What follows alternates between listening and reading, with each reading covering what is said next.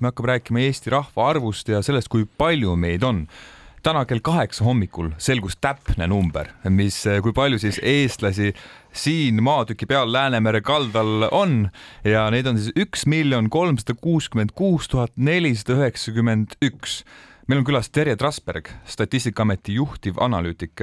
tere! tere hommikust! kuidas see arv nüüd viimase aastaga võrreldes muutunud on?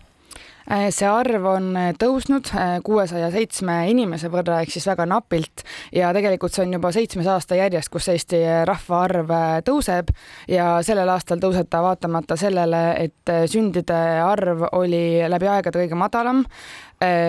väljaränne oli viimase kahekümne aasta kõige kõrgem, aga vaatamata sellele, et siis inimesi ei sünni ja väga paljud rändavad välja, rahvaarv ikkagi kasvab ja kasvab ta siis muidugi sisserände arvelt ja ma kujutan ette juba, kuidas osad poliitikud tagajalgadele tõusevad ja hakkab pihta, nii et sel nädalavahetusel ma olen enam kui veendunud, et see on üks niisuguseid äh, olulisi teemasid ka kõigis äh, poliitsaadetes, mis, kus siis hakatakse kindlasti äh, seda arutama, aga noh, see Statistikaameti arv on välja antud noh, viimase koha täpsusega et äh, kui palju see nüüd praeguseks hetkeks võib olla muutunud sellest, kui pressiteade anti välja, selles mõttes, et noh, surmad, sünnid juhtuvad ju kogu aeg, eks ole, et, et kui, kui palju siin on seda jah, nii-öelda kindlust ja siis nii-öelda arvutuslikkust? jah, et see tänane arv on välja antud siis rahvastikuregistri andmete pealt, meie vaatame alati seda esimese jaanuari kõige alguse seisu ja muidugi, kuna noh, see on ju ikkagist päris suur arv, et siin tegelikult võib-olla see täielik täpsus ei olegi niivõrd oluline, et see, mida meie siin statistikas taga ajame, selles rahvastikustatistikas ongi eelkõige need suured äh, trendid, et kas siis tuli juurde, kas siis läks ära ja nii edasi, et see võib olla see, see inimese täpsus, kuigi inimesed kõik on väga olulised selles arvus, siis see inimese täpsus siin nii suurt rolli tegelikult nende suurte arvude puhul ei, ei mängi. Äh, aga kui anda veel võrdlusi, siis me hommikuvara siin ka rääkisime mm, nii-öelda natukene maailma numbritest selles vaates, et on olemas üks äh, siis raamatute seeria ja, ja, ja telesarja seeria Droonide mäng, kus on niisugune väljamõeldud keel nagu Dothraki vist. ja selle rääkijaid üle maailma on üks koma kaks miljonit. ehk et äh, ilmselt selle rääkijaid on rohkem kui eesti keele rääkijaid no võib, võib olla küll nii, et Eesti on tõesti äh, väike, väike riik, aga see teebki meid võib-olla natuke erilisemaks. kindlasti kohe, selles me ei, ei kahtlegi, aga, aga kui, ähm, kui, kui nüüd siin vaadata seda, et selles mõttes see üks koma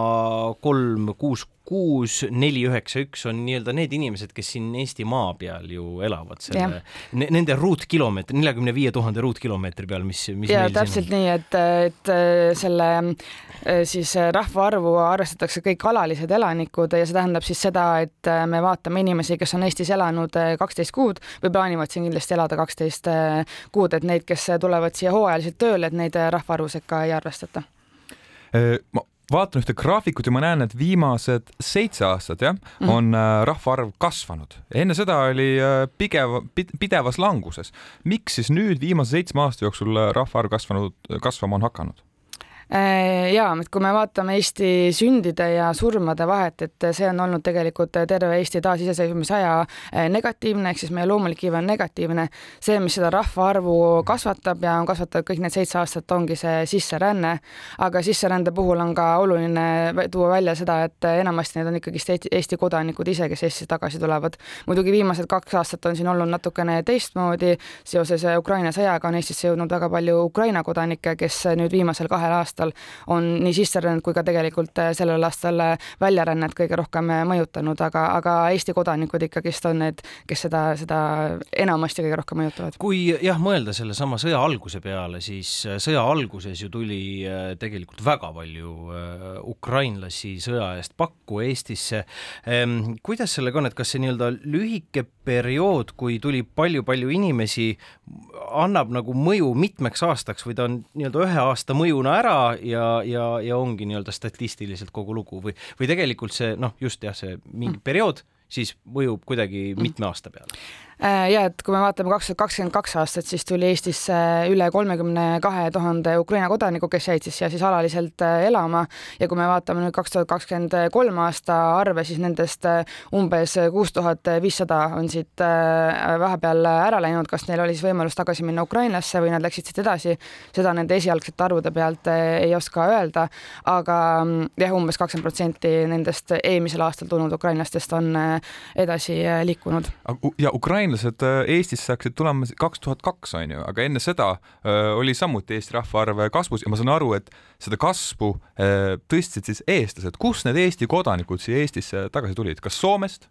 Õigus. Äh, Soomest äh, jah, Eesti ja Soome vahel on see kõige suurem äh, nii-öelda rändekoridor, et enamasti ikkagi Soomest või siis teistest Euroopa riikidest, et neid eksootilisi riike, kus tagasi tullakse, tegelikult väga palju ei ole, nii et see statistikas jäävad päris väikse osakaalu peale. et ikkagi jah, Soome ja Euroopa Liit on see, kust tagasi tullakse Eestisse. minu arvates on väga positiivne uudis, et eestlased tagasi kodumaale kipuvad jah, aga mul on siit ka kohe üks äh, negatiivne uudis selle, selle kohta ka ära tuua, et äh, esialgsed arvud näitavad Eesti kodanike kohta siis seda, et eelmisel aastal ikkagi läks mõnevõrra rohkem Eesti kodanikke Eestist ära, kui siia tagasi tuli. et varasematel aastatel, paar aastat on olnud see vastupidi, et Eestisse tuli rohkem, kui ära läks Eesti kodanikke, aga kahjuks esialgsed arvud selle aasta kohta või siis eelmise aasta kohta näitavad vastupidist veel üks arv, mis mu peas on, et Amazoni töötajaid on umbes sada viiskümmend tuhat rohkem kui Eestimaal inimesi, kujutage ette, et me oleme, me oleme üks, üks suur globaal, justkui nagu firma,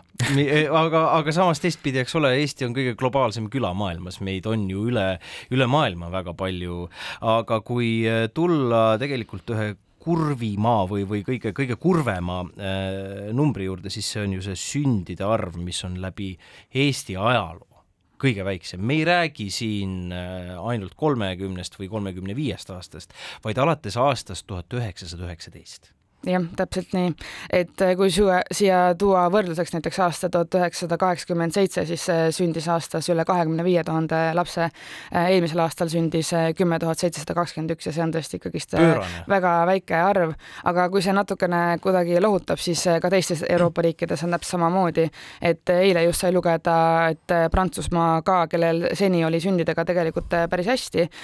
nüüd raporteeris eelmise aasta kohta, et oli läbi aegade kõige madalam sündimus ja meie ümber siin äh, Soome, Läti, äh, Leedu ka on öelnud viimastel aastatel, et neil on kõige madalam sündimus. no ka äh, maailma endine kõige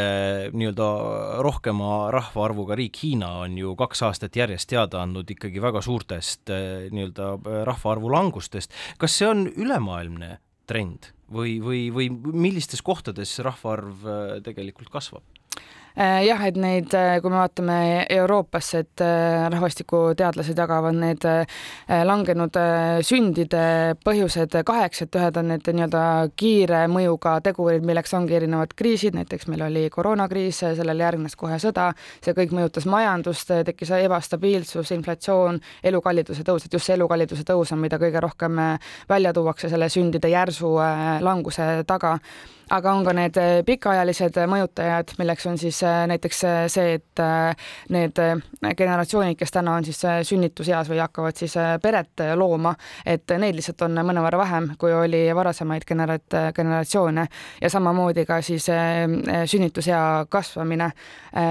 kui me võrdleme näiteks aastaga tuhat üheksasada üheksakümmend neli, siis, siis oli esmane sünnitusvanus kakskümmend kaks eluaastat, täna me hakkame jõudma sinna kuskil kahekümne üheksa eluaasta juurde. Ja me teame, et mujal Euroopas on see jõudnud ka kolmekümneni ja üle selle, et meil see arv ilmselt veel natukene tõuseb ja seega siis lükkab neid sünde nii-öelda natukene edasi ja tekitab sinna täna siis nii-öelda siis selle puudujäägi. üheksakümnendate algusel, alguses sündinud inimesed peaksid saama hakkama peret looma ja, ja need põlvkonnad olid väiksed ja see on siis üks põhjus, miks rahvaarv väiksem on. millal tuleb selline suurem põlvkond, mis aastal sündinud inimesi on rohkem, kust me võiksime oodata siis võib-olla suuremat sündide arvu kasvu? Äh, väga hea küsimus, kahjuks ei ole häid uudiseid, ega neid suuri generatsioone sealt väga palju peale ei tule, et kuskil seal äh, kahe tuhande kümnendate juures natukene oli neid äh, sünde rohkem, aga mitte midagi sellist, mis oleks võrreldav selle aastaga tuhat üheksasada kaheksakümmend kaheksa ja kaheksakümmend seitse, et neid suuri generatsioone ei ole enam peale tulemas, et et jah, kui need näiteks ka praeguse siis nii-öelda sünnituseas olevad inimesed saavad veel omakorda vähem lapsi, siis see generatsioon muutub äh, ka väiksemaks, et seda on siis äh, ka eksperdid nimetanud selliseks äh, vähenemise spiraaliks, et, et jah. Nii et lõpetuseks veel kord, meid on siin üks miljon kolmsada kuuskümmend kuus tuhat nelisada üheksakümmend üks, meid on vähe, hoiame kokku. täpselt nii